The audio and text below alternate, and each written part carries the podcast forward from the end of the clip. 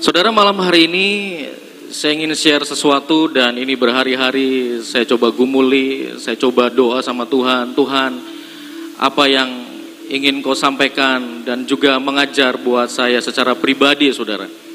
Karena hari-hari ini kita sedang berada di dalam sebuah masa-masa penantian, masa-masa mempersiapkan terjadinya breakthrough dalam hidup kita. Amin saudara.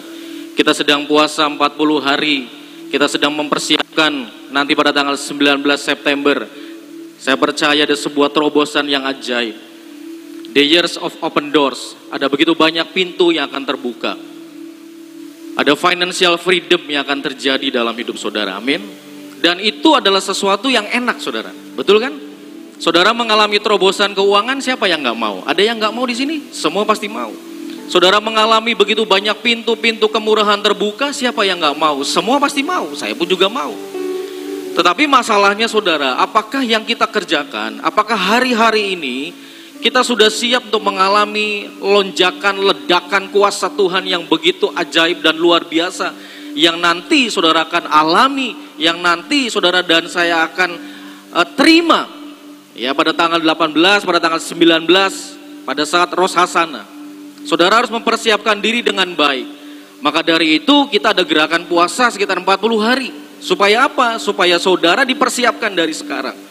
Nah malam hari ini saudara, saya mau bagikan kepada saudara bagaimana saudara dan saya membangun sebuah tempo yang terbuka kita bicara pintu yang berabad-abad terbuka. Tuhan membukakan begitu banyak pintu kemurahan Tuhan. Ada begitu banyak kasih karunia yang Tuhan mau tambahkan. Tetapi tanpa kita sadari, tanpa saudara dan saya mungkin sadari hari-hari ini, ternyata saudara, tembok spiritual kita banyak yang sudah rontok saudara. Dan itu menjadi sebuah target dari kuasa kegelapan untuk menggagalkan rencana Tuhan dalam hidup kita. Mari kita buka Nehemia pasal yang kedua. Saya akan bacakan buat saudara ayat pertama dan seterusnya. Pada bulan Nisan tahun ke-20 pemerintahan Raja Artasasta ketika menjadi tugasku untuk menyediakan anggur, aku mengangkat anggur dan menyampaikannya kepada raja karena aku kelihatan sedih yang memang belum pernah terjadi di hadapan raja. Bertanyalah ia, bertanyalah raja kepada Nehemia, "Mengapa mukamu muram?" Walaupun engkau tidak sakit, engkau tentu sedih hati. Lalu aku menjadi sangat takut. Ayat yang ketiga, jawabku kepada raja, hiduplah raja untuk selamanya. Bagaimana mukaku tidak akan muram kalau kota tempat pekuburan nenek moyangku telah menjadi reruntuhan dan pintu-pintu gerbangnya habis dimakan api. Lalu kata raja kepadaku, jadi apa yang kau inginkan? Maka aku berdoa kepada Allah semesta langit Kemudian jawabku kepada raja, jika raja menganggap baik dan berkenan kepada hambamu ini, utuslah aku ke Yehuda, ke kota pekuburan nenek moyangku supaya aku membangunnya kembali. Lalu bertanyalah raja kepadaku, sedang permaisuri duduk di sampingnya, berapa lama engkau dalam perjalanan dan bilakah engkau kembali? Dan raja berkenan mengutus aku, sesudah aku menyebut suatu jangka waktu kepadanya. Ayat yang ketujuh, berkatalah aku kepada raja, jika raja menganggap baik, berikanlah aku surat-surat bagi bupati-bupati di daerah seberang sungai Efrat, supaya mereka memperbolehkan aku lalu sampai aku tiba di Yehuda. Pula sepucuk surat bagi Asaf pengawas taman raja supaya ia memberikan aku kayu untuk memasang balok-balok pada pintu-pintu gerbang di benteng bait suci untuk tembok kota dan untuk rumah yang akan kudiami. Dan raja mengabulkan permintaanku itu karena tangan Allahku yang murah melindungi aku. Saudara sekalian, pada tahun 586 sebelum Masehi kurang lebih tentara Nebukadnezar dia menyerbu Yerusalem dan dia merobohkan tembok-tembok kota Yerusalem dan menghancurkan begitu banyak kehancuran yang ada di Yerusalem. Tembok kota dihancurkan, Sejumlah rumah hancur, istana juga hancur saudara, menjadi puing-puing. Bahkan tidak ada yang tersisa. Dan kemudian mereka merampas barang-barang, merampas perkakas yang ada di bait Allah kemudian dibawa ke Babel. Dan bukan hanya itu, sebagian orang Yehuda, sebagian penduduk Yehuda, mereka ambil, mereka bawa menjadi tawanan di Babel, saudara. Mereka hidup sebagai orang buangan. Mereka hidup sebagai tawanan, saudara.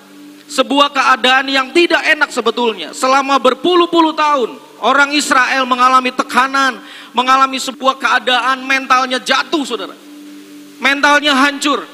Kenapa? Ya karena dari bangsa yang begitu jaya, dari bangsa yang sangat diberkati Tuhan kala itu, tiba-tiba mereka harus menjadi orang buangan.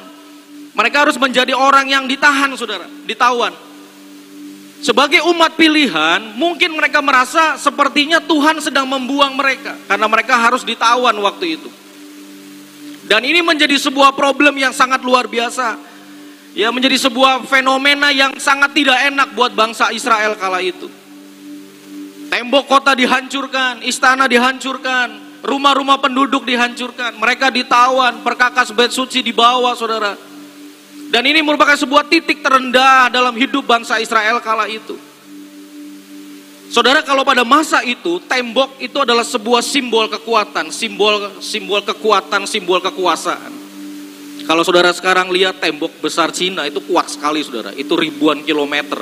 Dulu dibangun dengan sebuah purpose, dengan sebuah tujuan supaya bisa menghalau musuh. Dan biasanya tembok ini akan mengelilingi kota. Jadi tembok ini akan dibangun begitu kuat dan mengelilingi kota dan ini memisahkan bagian yang di dalam dengan bagian yang di luar. Makanya tembok itu dibangun sangat kuat, tembok itu dibangun sangat tinggi. Fungsinya apa? Supaya musuh nggak bisa masuk. Supaya musuh nggak bisa menyerang. Musuh tidak bisa merebut kota itu. Maka dibangun sebuah tembok yang sangat luar biasa. Sebagai pelindung saudara. Tetapi saudara sekalian, kalau musuh ingin menghancurkan tembok itu tidak bisa dari luar, maka musuh biasanya memakai cara yaitu mengirim penyusup. Dia akan kirim penyusup, dia akan kirim orang, mungkin disamarkan masuk ke dalam tembok, saudara, dan setelah itu dia akan melakukan ya pemberontakan di dalam. Saya teringat dulu ada film judulnya apa ya? Troy kalau tidak salah. Ya, itu ada kuda Troya, saudara di dalamnya dibikin sebuah kuda dari kayu begitu besar, di dalamnya tentara yang sangat terlatih. Kemudian diselundupkan masuk di dalam benteng sebuah kota. Dan ketika tengah malam, ketika tentara sedang berjaga-jaga, kemudian sudah mulai ngantuk, sudah mulai lelah, saudara. Maka tentara yang diselundupkan ini, saudara, dia keluar dan dia sikat habis. Dan kala itu pasukan tentara di dalam tidak siap. Maka kota itu bisa ditundukkan, saudara.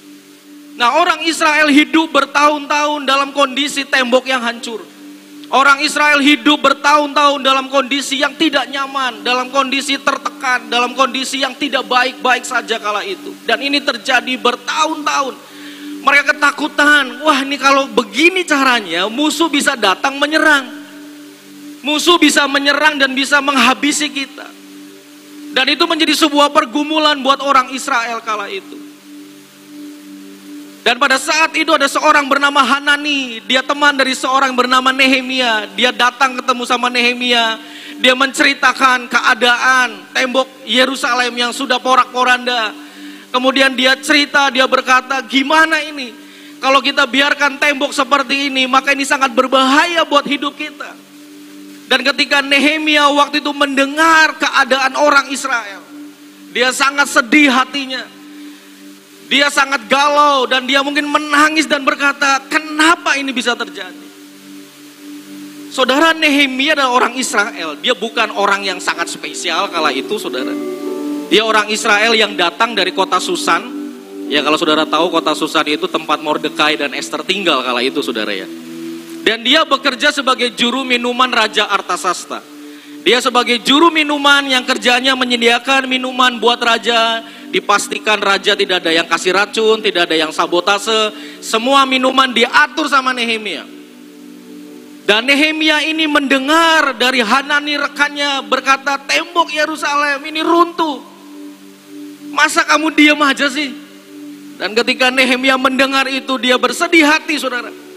Kemudian dia, ketika dia sedih, saudara, raja tahu. Raja lihat Nehemia lagi sedih. Kemudian raja tanya sama Nehemia, Mia, oh Mia manggilannya. Nehemia, kenapa kamu sedih? Saya lihat mukamu muram saja, kenapa sedih? Dikasih makan gak enak makannya, dihibur juga kayaknya galau terus. Kenapa? Kemudian Nehemia cerita, Tuanku Raja, gimana saya nggak sedih? Kalau saya melihat tembok kota di mana saya hidup, tembok kota kampung halaman saya hancur berantakan. Boleh nggak Raja kasih saya kesempatan untuk saya pulang? Dan saya bangun lagi tembok itu. Kemudian singkat cerita Raja bertanya, berapa hari sih kamu perlu untuk kamu pulang dan membangun tembok itu? Kemudian Nehemia menceritakan, ya kurang lebih sekian hari dan sebagainya. Setelah deal saudara, maka Raja berkata, oke, okay, tak kasih surat cuti ya. Ya cuti khusus, kamu pulang dan kamu bangun tembok Yerusalem. Setelah dapat izin saudara, Nehemia nggak cuma bilang terima kasih. Dia bilang begini, Tuanku Raja, boleh nggak sih kasih surat dong? Kasih surat kepada para bupati supaya perjalanan saya itu tidak terhambat. Tolong kasih KTBLC, ya, surat khusus, surat sakti. Kasih kepada para bupati, jadi ketika saya datang, ketika saya lewat, ketika saya perlu sesuatu, mereka nggak kesulit, mereka tidak mempersulit saya. Sehingga waktu saya pulang, membangun dan balik lagi tidak terbuang karena terhambat dengan berbagai macam problem di jalan. Oke, raja membuat surat, kemudian diberikan sampai juga raja membantu ya pengadaan kayu-kayu untuk membangun pintu-pintu gerbang tembok Yerusalem. Kemudian Nehemia setelah mendapatkan restu dari Raja Artasasta, dia bertemu dengan teman-temannya dan dia berkata, "Hai guys, saya sudah dapat izin dari raja. Ayo kita pulang, kita bangun tembok Yerusalem. Ayo kita dirikan lagi tembok yang sudah runtuh. Ayo kita bareng-bareng kita bangun. Sekarang waktunya kita bergerak, kita membangun lagi apa yang sudah dihancurkan. Saudara Nehemia dan orang-orang Yehuda kemudian mereka pulang, mereka mulai mempersiapkan diri untuk membangun.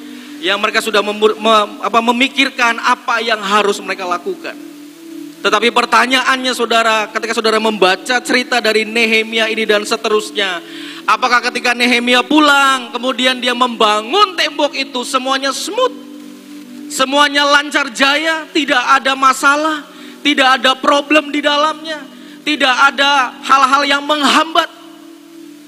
Banyak, Saudara. Saudara membaca kisah ini ketika saya membaca dan merenungkan, ternyata tidak semudah yang dipikirkan oleh Nehemia. Dia mudah mendapatkan restu dari raja untuk membangun, tetapi pada saat pelaksanaannya ada begitu banyak tantangan yang harus dia hadapi. Mari kita lihat satu persatu saudara dan ini saya berdoa ini bisa mengimpartasi uh, mengimpartasi saudara karena ini berkaitan dengan apa yang sedang kita persiapkan hari-hari ini. Ketika saudara ingin mengalami terobosan, mengalami breakthrough, mengalami freedom dalam hidup saudara. Ketika saudara ingin pintu-pintu gerbangmu terbuka lebar, pintu-pintu yang tertutup dibukakan Tuhan, maka saudara ada bagian yang saudara harus bangun lagi. Kesulitan yang pertama yang Nehemia alami ketika orang-orang Yehuda alami, yaitu mereka direndahkan. Selama Nehemia dan orang Israel membangun ada begitu banyak tantangan, ada begitu banyak ancaman yang mereka hadapi. Saya baca pasal 4 ayat yang pertama buat saudara. Ketika Sanbalat mendengar bahwa kami sedang membangun kembali tembok, bangkitlah amarahnya dan ia sangat sakit hati dan ia mengolok-ngolokkan orang Yahudi. Ayat yang kedua dan berkata di hadapan saudara-saudaranya dan tentara Samaria, Sanbalat ngomong sama teman-temannya, apa gerangan yang dilakukan orang-orang Yahudi yang lemah ini? Tuh dibilang lemah saudara. Ya.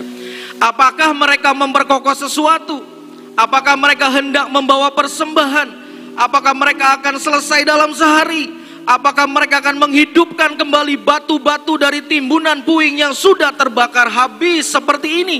Ayat yang ketiga. Lalu berkatalah Tobia orang Amon itu yang ada di dekatnya Tobia yang ngomong. Sekalipun mereka membangun kembali, kalau seekor anjing hutan meloncat dan menyentuhnya, robohlah tembok batu mereka. Saudara sekalian, ketika Nehemia mulai membangun, dia tidak serta-merta aman, semua oke, semua tetangga kiri kanan oke. Tidak, saudara. Sanbalat dan Tobia ngejek. Mau ngapain? Emang dalam sehari bisa bangun? Tobia berkata, wah jangan-jangan nanti kena senggol sama anjing aja ambruk temboknya. Saudara ketika Nehemia dan orang-orang Yehuda kala itu dia direndahkan, dia dihina orang, tidak ada kepercayaan dari orang lain. Ini yang menjadi masalah saudara buat mereka. Saudara pernah enggak ketika saudara sedang punya usaha, ketika saudara sedang bangun sesuatu, kemudian orang-orang mulai mengejek saudara. Pernahkah saudara mengalami hinaan, ejekan, Mungkin bukan hanya dari tetangga saudara, tetapi dari orang terdekat saudara sekalipun. Mungkin suami saudara, mungkin istri, mungkin teman kerja, mungkin teman gereja barangkali. Pernah nggak saudara dihina, direndahkan orang? Siapa yang tidak pernah angkat tangan? Pernah semua? Pernah. Saudara kami di sekolah juga. Dulu waktu pertama kali bangun sekolah, hmm, saudara. Bangun sih bangun saudara. Begitu bangunan sudah mulai jadi Orang bilang sekolah kayak kandang burung. Gurunya tidak qualified. Lulusannya tidak laku dijual. Maksudnya nggak bisa kerja saudara. Nggak bisa masuk perguruan tinggi. Ijazahnya nggak laku.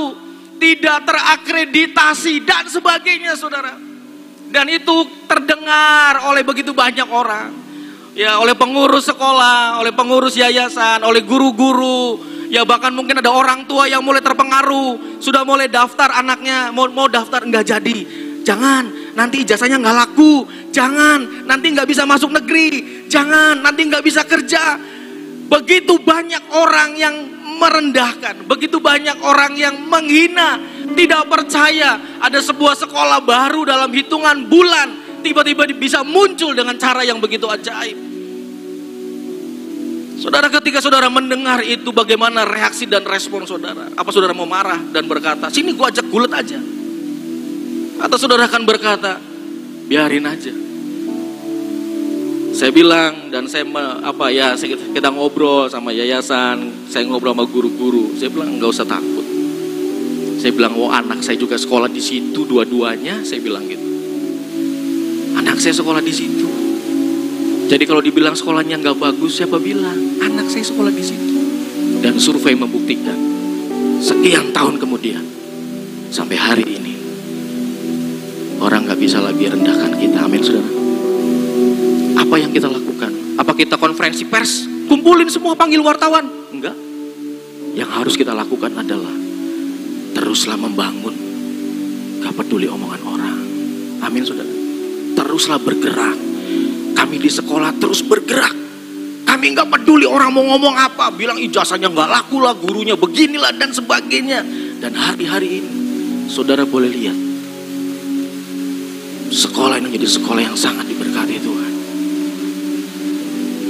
Beberapa anak masuk ke perguruan tinggi negeri dengan beasiswa, dengan SBMPTN. Beberapa masuk perguruan tinggi swasta, beasiswa 100%. Bahkan ada yang full gratis, dikasih uang saku lagi. Siapa yang melakukan itu saudara? Bukan kita, tapi itu Tuhan. Ketika saudara direndahkan orang, jangan pernah berhenti membangun tembok rohani. Amin saudara. Jangan pernah saudara berkata, sudahlah berhenti aja. Gak usah pelayanan lagi. Orang gak percaya dengan saya. Orang gak yakin dengan apa yang saya lakukan. Maka di situlah saudara menjadi orang yang kalah. Tapi ketika saudara tetap bergerak dan tetap membangun, Orang boleh menghina saudara. Orang boleh berkata, mau jadi apa dia? Ah nggak mungkin lah dia seperti itu. Ah nggak mungkin dia bisa sukses. Ah nggak mungkin dia bisa kuliah. Nggak mungkin dia bisa berhasil. Tapi ketika engkau tidak hidup dari perkataan orang, tapi kita hidup dari jaminan Tuhan, maka apa yang orang lain sangsikan, Tuhan akan tunjukkan kuasanya. Amin saudara. Yang kedua saudara, Nehemia 4 ayat 9 sampai 10. Tetapi kami berdoa kepada Allah kami dan mengadakan penjagaan terhadap mereka siang dan malam karena sikap mereka. Berkatalah orang Yehuda, kekuatan para pengangkat sudah merosot dan puing masih sangat banyak. Tak sanggup kami membangun kembali tembok ini.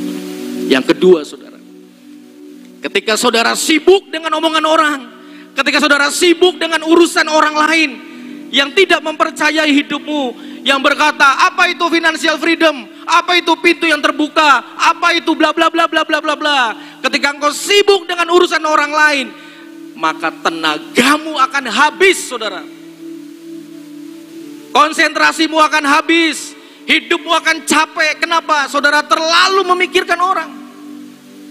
Ayat 9 saya bacain lagi, tetapi kami berdoa kepada Allah kami dan mengadakan penjagaan terhadap mereka siang dan malam karena sikap mereka. Mereka habiskan siang dan malam saudara. Untuk menjaga supaya orang tidak mencemooh mereka. Tapi ternyata saudara kekuatan mereka makin lama makin merosot. Waktu membangun berjalan terus bahan masih banyak tapi mereka udah nggak punya lagi tenaga. Bahkan dia berkata kami tidak sanggup lagi membangun tembok ini. Tenaga mereka habis saudara. Saudara sekalian hari-hari ini ketika sedang Tuhan kerjakan banyak hal dalam hidup saudara. Fokus kita adalah apa yang Tuhan akan kerjakan. Amin. Jangan habiskan tenagamu untuk ngurusin hal yang lain yang bukan Tuhan. Kalau kita hanya ngurusin omongan orang, kalau kita hanya ngurusin hal yang sepertinya tidak terlalu penting dalam hidup kita, maka kita akan kehilangan banyak kesempatan, saudara. Ada begitu banyak orang stres, sakit, saudara, masuk rumah sakit. Kenapa? Ketika ditanya, masalahnya apa? Mikirin masalah dengan orang, konflik dengan orang, sakit berbulan-bulan, sakit berhari-hari. Saudara nggak punya tenaga, saudara nggak nggak punya waktu lagi untuk menyelesaikan apa yang sedang Tuhan kerjakan buat kita. Hari ini saudara, jangan habiskan tenagamu. Mari fokus, bangun tembokmu dengan kuat. Bangun tembokmu dengan cepat, saudara. Karena ketika saudara menghabiskan tenagamu, energimu, sumber dayamu, bukan untuk melakukan apa yang Tuhan mau, maka sia-sia yang saudara lakukan. Amin saudara. Jangan habiskan tenaga saudara. Ini waktunya kita harus gunakan setiap kemampuan. Kapasitas yang Tuhan beri untuk kita bergerak dengan cepat saudara. Waktunya udah gak panjang lagi saudara. Ini sudah waktunya kita harus bergerak cepat. Udah tinggalin yang lalu, yang lama, yang udah gak lagi apa membuat kita jadi lebih prepare dengan apa yang Tuhan mau. Udah forget it saudara. Yang kita lihat adalah ke depan harus kita raih sesuatu yang baru. Jangan korbankan tenagamu. Mari bangun dan bangkit lagi saudara. Yang ketiga, apa yang bisa menghambat saudara? Nehemia 4 ayat 11 sampai 12. Tetapi lawan-lawan kami berpikir, mereka tidak akan tahu dan tidak akan melihat apa-apa sampai kita ada di antara mereka. Membunuh mereka dan menghentikan pekerjaan itu. Ketika orang-orang Yahudi yang tinggal dekat mereka sudah sepuluh kali datang memperingatkan kami. Mereka akan menyerang kita dari segala tempat mereka tinggal. Yang ketiga adalah apa yang bisa menjadi hambatan tantangan ketika saudara dan saya ingin membangun lagi tembok rohani kita. Yang ketiga adalah ancaman lawan, saudara. Yang tadi saya katakan, kalau musuh ingin menghancurkan kota itu, dia tidak bisa serbu dari depan, maka dia akan masukkan penyusup ke dalam. Ayat 11, lawan-lawan kami berpikir mereka tidak akan tahu dan tidak akan melihat apa-apa. Musuh berpikir orang Yehuda nggak akan tahu sampai kita ada di antara mereka. Artinya apa?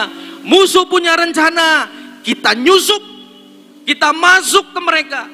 Jangan sampai mereka tahu. Kemudian kita habisi dan kita hentikan pekerjaan mereka.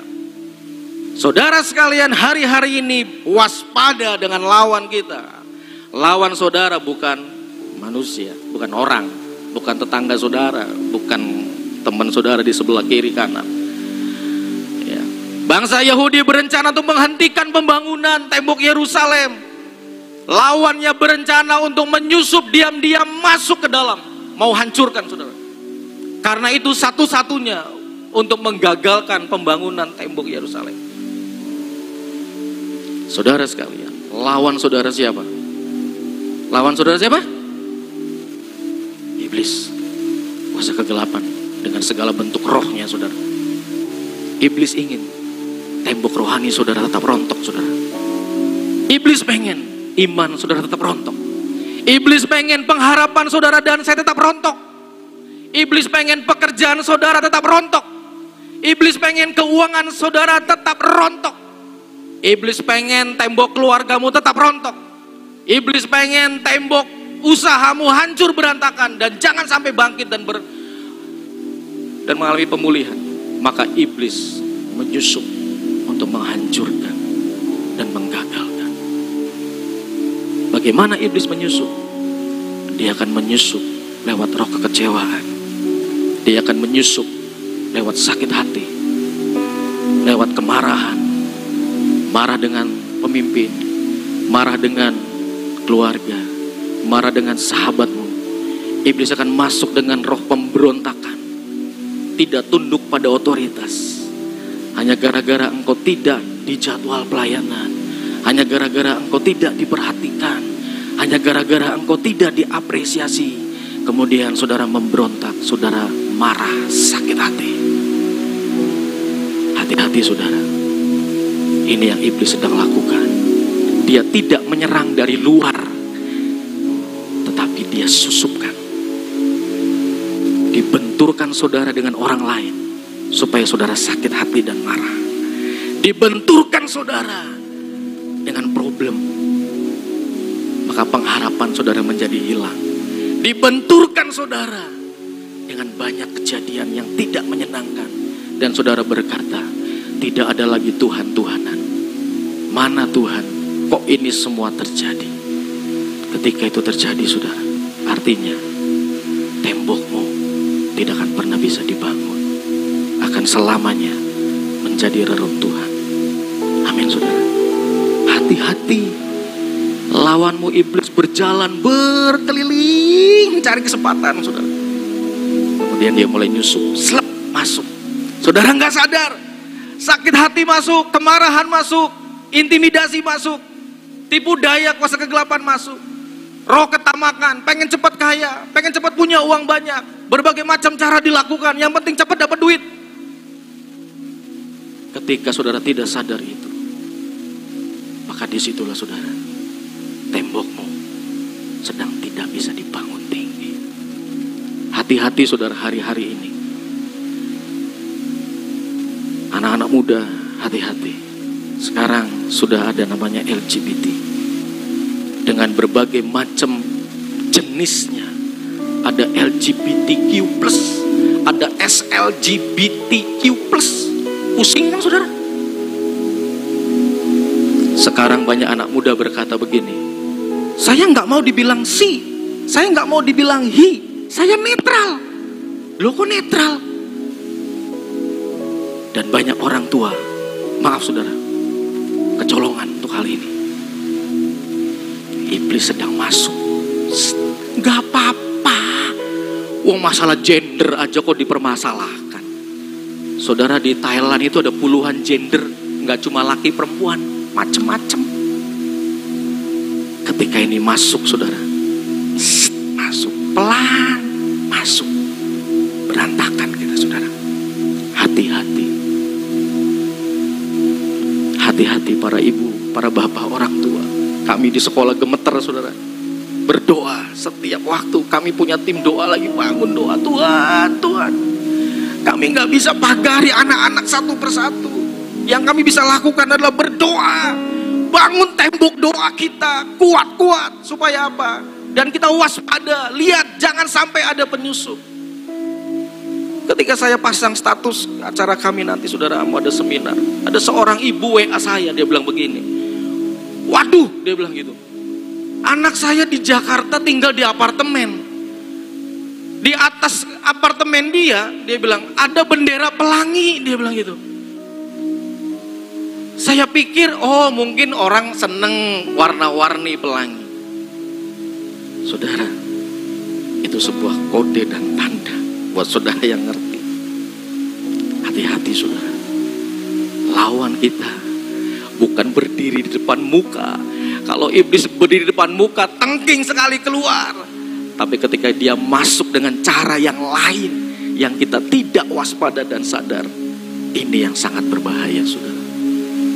Ayo, saudara, dan saya di tempat ini, jangan jadi orang yang pasif, jangan jadi orang yang apatis, dan berkata tenang kan kita sudah berdoa tenang kita udah puasa udah minta Tuhan perlindungan udah 10 lapis perlindungan perjamuan kudus pengurapan itu bagus itu baik saudara tetapi juga saudara perlu tahu dan saudara perlu belajar supaya saudara ngerti apa yang harus saudara lakukan tidak hanya cukup saudara berdoa saja berdoa harus bangun spiritual kita tetapi saudara juga harus berbuat sesuatu supaya lawanmu tidak punya kesempatan untuk menghancurkan kita. Amin saudara. Dan sudah banyak orang tua yang berkata begini, nggak apa-apa, tinggal suruh pilih aja dia mau apa, mau laki, mau perempuan, mau netral. Bahkan beberapa waktu yang lalu ada sekolah yang heboh, ada sekolah yang kamar mandi toiletnya ada laki. Kalau kita kan gen apa, ladies, ada yang netral, saudara. Lah kalau saya masuknya netral, gimana tuh? Waspada saudara. Mama dan papa hati-hati di tempat ini. Mari kita bergerak bersama. Amin saudara. Kita harus lawan ini. Dengan apa? Dengan doa pasti. Dengan apa? Dengan puasa pasti. Dengan apa lagi? Dengan tindakan kita. Kita perlu di-upgrade, kita perlu belajar, kita perlu tahu strateginya. Kalau kita nggak ngerti strateginya iblis, maka kita nggak bisa lawan dia. Dari mana? Karena kita nggak tahu. Dan bagaimana saudara, untuk saudara bisa menghadapi itu? Bagaimana saudara bisa mengatasi itu dan saudara akan menjadi orang yang bisa membangun tembok rohani yang kuat saudara. Yang pertama Nehemia pasal 2 ayat 13 berkata begini. Demikian pada malam hari aku ke air, ular naga dan pintu gerbang sampah Aku menyelidiki dengan seksama tembok-tembok Yerusalem yang telah terbongkar dan pintu-pintu gerbangnya yang habis dimakan api.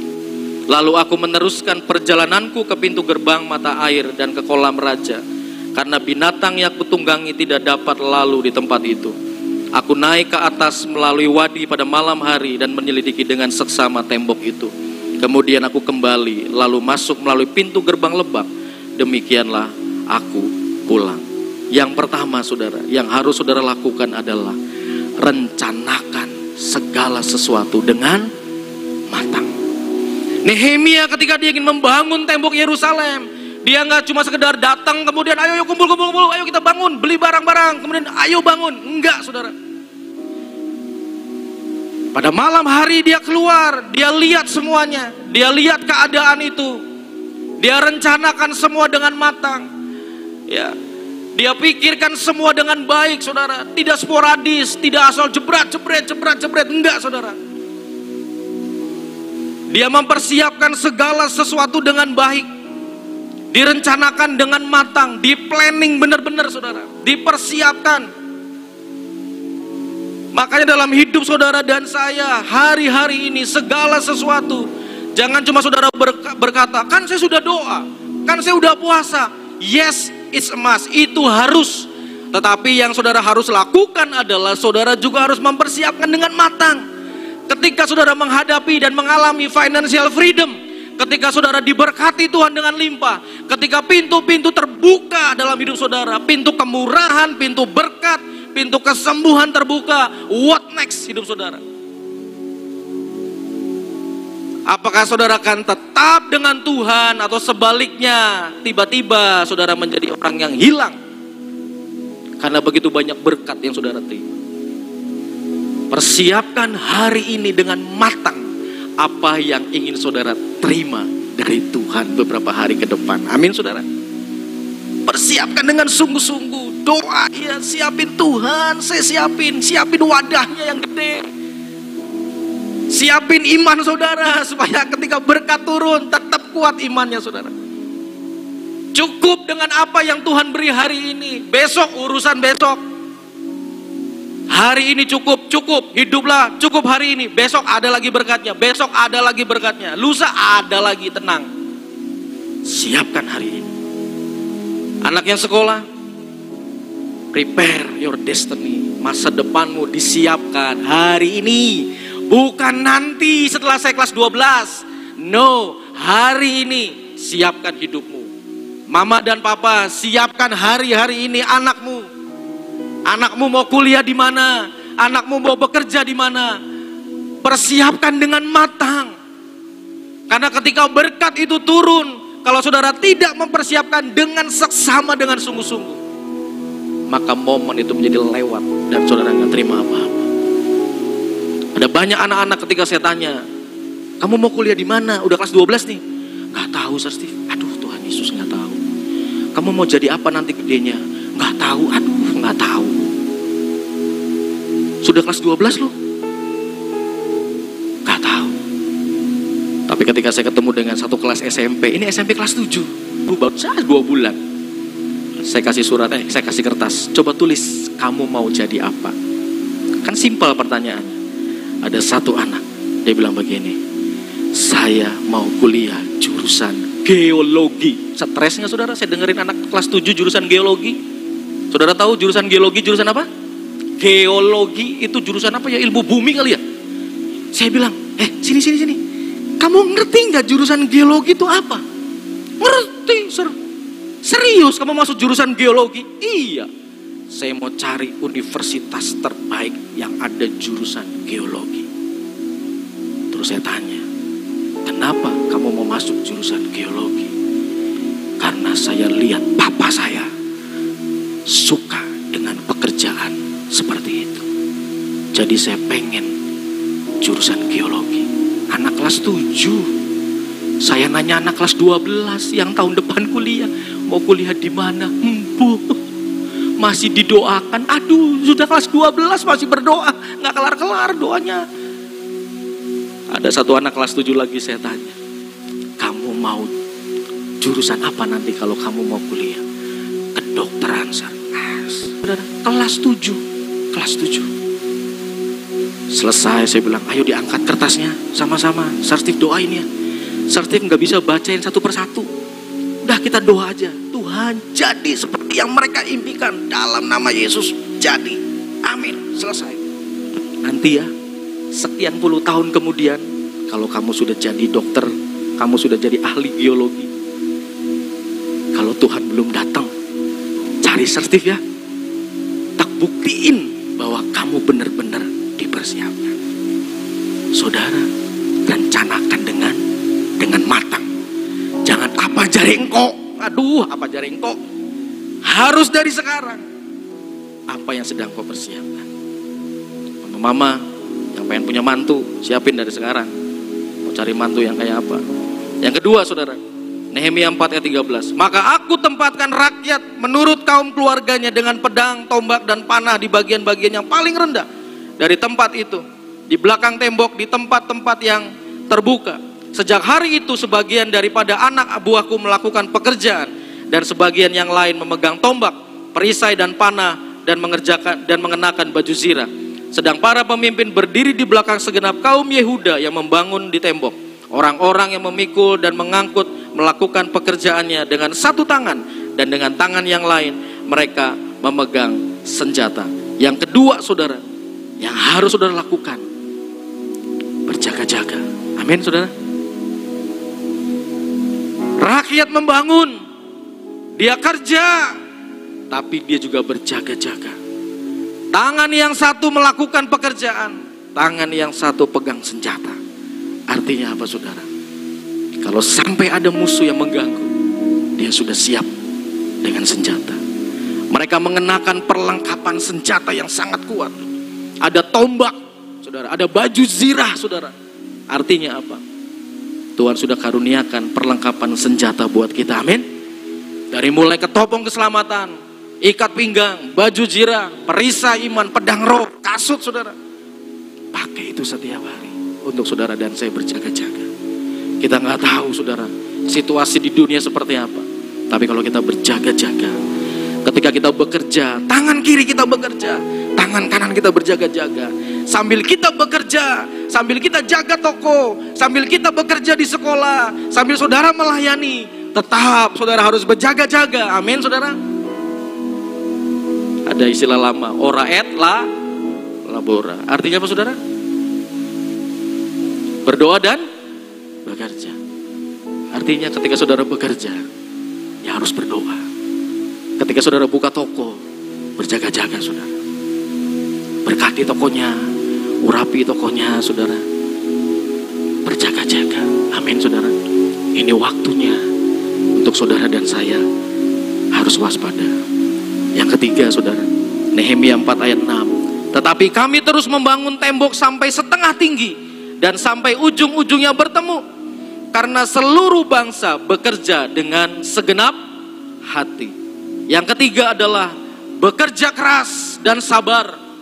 Nehemia dan kawan-kawan, mereka membangun sampai ujungnya bertemu, sampai tinggi. Seluruh bangsa bekerja segenap hati. Kalau segenap hati artinya mereka unity, mereka kompak, mereka habis-habisan membangun tembok dengan kuat sampai selesai. Kerja keras, sabar. Kenapa harus sabar? Capek pasti, benar? Banyak tantangan pasti. Mungkin satu ada yang sakit barangkali, satu ada yang ketibaan batu jempolnya mungkin bengkak saudara, harus diobatin dulu. Harus sabar, harus kerja keras. Saudara hari-hari ini banyak orang gak sabar, bener gak? Banyak orang pengennya in instan, pengen dapat duit banyak, pengennya cespleng tiga hari dapat duit banyak. Tidak mau kerja keras, tidak mau sungguh-sungguh mengelola apa yang Tuhan beri. Pengennya merem tiga hari kemudian kaya saudara. Gak ada ilmunya. Kalau semua begitu jadi kaya dalam hitungan sebulan, semua tidak ada yang kerja, toko tutup, kantor gulung tikar. Teman saya bilang gini, ada cepat kaya semalam katanya. Apa tuh? Piara tuyul katanya. Piara tuyul. Ayo kerja keras Bapak Ibu. Amin saudara. Sabar. Kalau belum nyampe tenang. Belum nyampe target tenang. Belum selesai tenang belum berhasil coba lagi, gagal coba lagi, ayo gagal coba lagi. Sampai tinggi, sampai temboknya, sampai ke ujung. Gagal itu biasa saudara, amin. Tapi yang membuat kita tidak berhasil mendapat berkat Tuhan karena kita nggak mau kerja keras dan nggak mau sabar. Pengennya ce, cepet. Nunggu lampu merah satu menit. Kalau saudara lagi nggak buru-buru, itu sebentar. Bener nggak? Coba lagi buru-buru, lagi ngejar kereta api bentar lagi mau berangkat. Lampu merah 30 detik, udah kayak 30 menit. Ayo cepet, ayo cepet. Gak sabar saudara. Anaknya nilainya gak naik-naik, gak sabar mamanya. Dimarahin terus. Dicaci maki, dikutukin. Anaknya pengen semalam pinter semua, 13, 16 mata pelajaran harus dapat 9 semua. Anaknya stres. Ketika ditanya, mah lagi mama sekolah kayak gini gak sih mah? Enggak. Mama pernah gak naik tuh, mamanya aja pernah gak naik, anaknya pengennya pinter saudara. Sabar dan kerja keras. Adik-adik, keras. Sabar. Amin saudara. Bapak-bapak, ibu-ibu yang sedang usaha, kerja keras, sabar, tekun, kerjain terus sampai tembokmu tinggi terus sampai tinggi. Mungkin sempat berhenti karena ada tantangan, mungkin sempat berhenti karena sebuah situasi, tapi jangan pernah berhenti dan berkata saya quit, saya mundur. No, terus maju. Jangan pernah menyerah. Kami di sekolah kami tidak pernah menyerah, saudara. Badai seperti apa tantangan begitu berat. Ayo maju. Ini besok mau ada ini, apa namanya? Edu Expo. Ketika guru-guru datang dia bilang gini, Sir, Miss, kami mau bikin expo. Expo perguruan tinggi, mau manggil perguruan-perguruan tinggi. Jujur, jujur, jujur. Saya tuh rada pesimis. Kenapa? Sudah 4-5 sekolah di Cirebon tiap tahun bikin. Kita baru mau bikin. Saya bilang, kira-kira ada enggak ya perguruan tinggi yang mau daftar? Aduh, wis lah, kita ngikut sekolah lain aja. Kalau bikin begitu kan pertaruhan nama. Kalau ada yang daftar, kalau nggak ada yang daftar gimana? Tapi guru-guru saya bilang, yakin sir. Ya sudah, mereka yakin masa saya nggak yakin.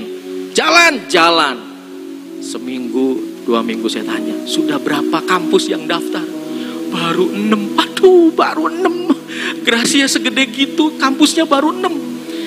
Ini masih di WA, masih di email, belum ada respon. Aduh, gimana caranya? Terus bagaimana caranya kalian mendatangkan masa? Ini kan jam sekolah. Gak mungkin kan anak sekolah tiba-tiba nyeruntul ke terang bangsa, datang ikutin expo. Gimana caranya? Oh, kita kerja keras, kata guru-guru. Ngapain? Kita sewa bus pariwisata, kita datengin sekolah-sekolah. Kita bilang, Pak, mau nggak datengin expo? Tak jemput pakai bus pariwisata, tak balikin lagi, tak kasih makan. Tuh, keren nggak guru-guru terang bangsa? Tak jemput, Pak. Bapak mau kirim berapa? 50, 70, 100, tak jemput. Nanti selesai dibalikin lagi, dikasih snack, gurunya dikasih makan, dikasih transport lagi. Keren nggak saudara? Itu namanya apa? Kerja keras. Kita nggak cuma bilang Tuhan datangkan anak-anak, Tuhan datangkan anak-anak. Itu jam sekolah Bapak Ibu. Sekolah lain kan nggak mungkin datang ujuk-ujuk nyeruntul anaknya ke terang bangsa. Enggak. Dan guru berkata kita jemput sir. Kita sewa dua bus pariwisata, satu bus sekolah. Jemput datengin. Puji Tuhan saudara. Hampir 600 anak. Confirm. Datang kalau nggak begitu saudara, mau gimana? Sabar, kerja keras, diteleponin, di email. Sampai tadi sore, kalau saudara datang tadi, guru-guru masih lembur. Sertif kita lembur. Saya bilang kasih makan, jangan sampai ada guru yang masuk angin. Masih lembur. Dan sampai tadi sore, panitia berkata, Steve konsumsinya nambah. Lu kok bisa nambah? Ada tiga kampus baru, baru daftar tadi siang, tadi sore saudara yang dari enam sekarang sudah 30 lebih kampus seluruh Indonesia, hampir Indonesia datang. Amin saudara. Kerja keras, sabar, tunggu waktunya. Nanti Tuhan buka jalan. Amin saudara. Kalau saudara tidak bekerja keras, saudara tidak dapat apa-apa. Amin. Selama 52 hari, tembok Yerusalem akhirnya terbangun saudara. 52 hari. Perlu kerja keras, konsisten, kompak saudara. Tidak goyah, hadapi berbagai macam tantangan. Jangan takut, jangan kecewa. Diomong jelek, di, diragukan orang. Pokoknya saya kerja, kerja, kerja, sabar, sabar, sabar, doa, maju saja. Biar Tuhan yang campur tangan. Amin saudara. Yang keempat, Nehemia 4 ayat 14. Ku amati semuanya, lalu bangun berdiri dan berkata kepada para pemuka dan para penguasa dan kepada orang-orang yang lain. Jangan kamu takut terhadap mereka.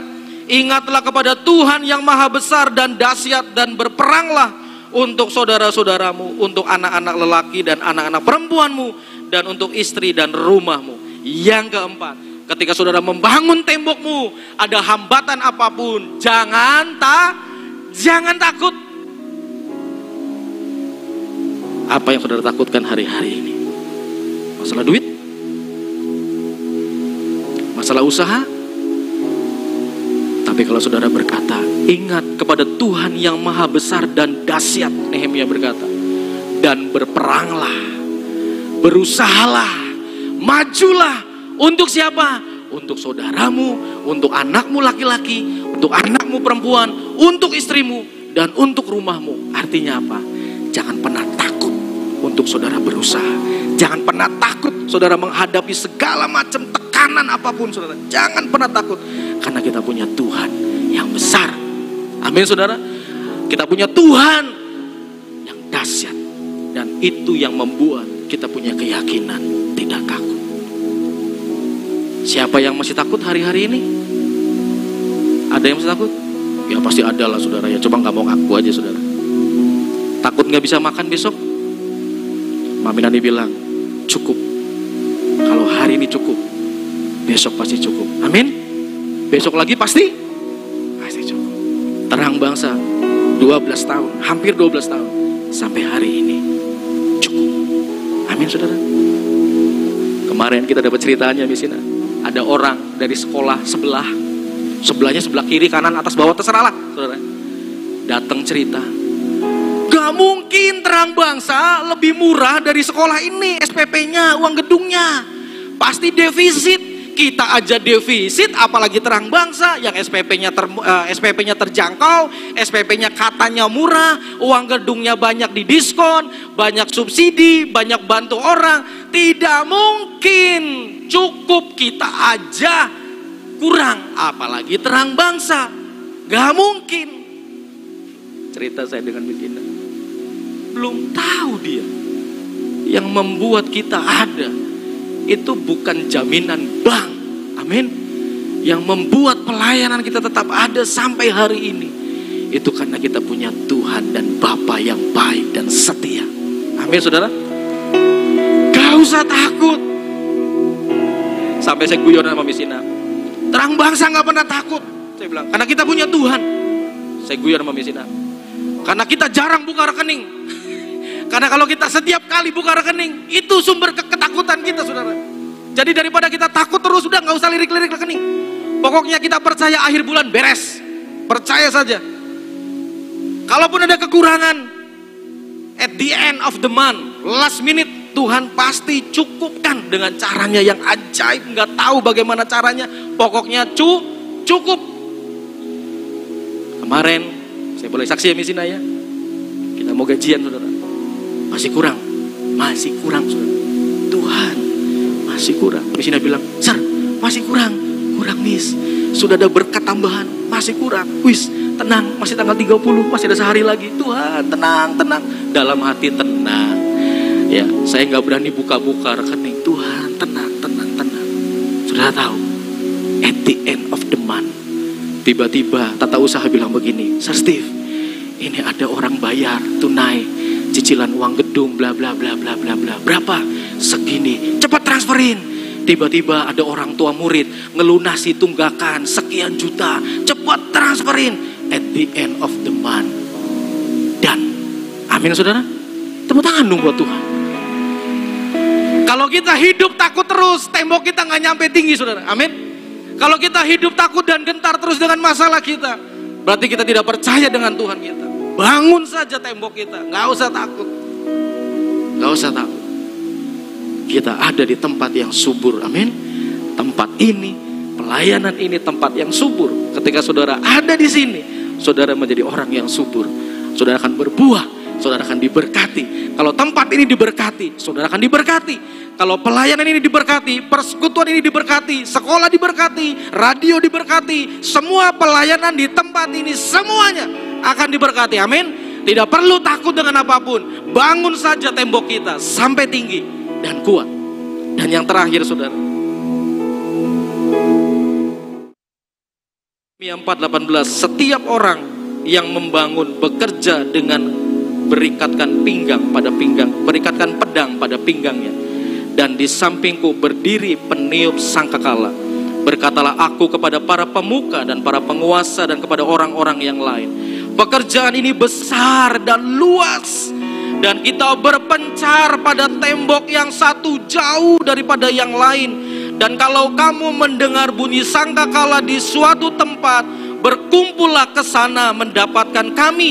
Allah kita akan berperang bagi bagi kita. Yang kelima adalah mari kita bekerja sama, mari kita saling membantu Firman Tuhan berkata, ketika pekerja yang satu ada di sana, pekerja yang satu ada di sana, ketika yang satu membutuhkan yang lain, dia tiup sangkakala, maka pekerja yang di sana akan datang membantu yang di sini. Demikian juga sebaliknya. Mari kita bangun kerjasama yang kuat dalam pelayanan kita. Amin.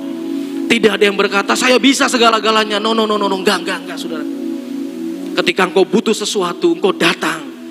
Maka yang lain bisa membantu. Ketika engkau butuh sesuatu dan orang saudara melihat ada orang lain yang membutuhkan pertolongan dan kau bisa tolong dia, ayo tolong dia saudara. Kita harus bangun rasa saling membantu, saling menguatkan, saling melindungi. Yang kuat menolong yang lemah, yang cukup menolong yang kurang. Karena itulah yang Tuhan inginkan dalam hidup kita. Jangan egois saudara. Jumlah mereka nggak banyak saudara mereka harus berpencar karena begitu luasnya saudara. Tapi ketika mereka meniup sangkakala, ketika sangkakala ditiup, berarti ada tanda sebuah kebutuhan dan yang lain akan datang menolong. Ketika ada saudaramu meniupkan sangkakala, artinya apa? Mungkin dia butuh pertolongan dan saudara mendengar. Ketika ada saudaramu yang berteriak, ketika ada saudara yang berkata, please help. Mari saudara kita ikatkan sebuah tali persaudaraan yang kuat. Ketika financial freedom terjadi, pintu-pintu gerbang akan dibukakan Tuhan. Pintu-pintu akan dibukakan Tuhan. Jangan kita egois, amin. Mari kita sama-sama unitikan pelayanan kita. Kuat saudara. Untuk kita bisa menjadi orang-orang yang diberkati Tuhan. Bekerja sama, membangun komunitas rohani. Saling membangun, saling mendoakan, menguatkan, bertumbuh bersama. Ada kelas PA, ada cell group, ada life tree, ada youth community, ada persekutuan doa umum saudara. Saudara ada di dalam komunitas. Tujuannya apa? Bukan hanya belajar firman, tapi saudara saling menguatkan, saudara saling mengikatkan diri sebagai saudara seiman yang saling membantu, saling menolong. Unity yang kuat. Amin. Ketika unity itu ada, maka blessing dari Tuhan akan turun buat kita. Amin saudara. Saudara mau bangun tembok hidupmu hari-hari ini? Cek hidup saudara dan saya. Apa tembokmu yang sudah rontok hari ini? Tembok bagian mana yang sudah runtuh dalam hidupmu? Ayo bangkit dan berkata, Tuhan, saya mau bangkit hari ini. Saya mau bangun tembok saya. Saya nggak mau nanti tanggal 19 ketika breakthrough terjadi. Ternyata tembok saya masih rontok Tuhan. Masih ada waktu kurang lebih dua minggu lagi saudara. Come on, wake up. Bangun tembok doamu. Bangun tembok pengharapanmu. Bangun tembok imanmu. Maka ketika Tuhan lawan saudara. Saudara sudah siap terima yang terbaik dari Tuhan. Amin saudara.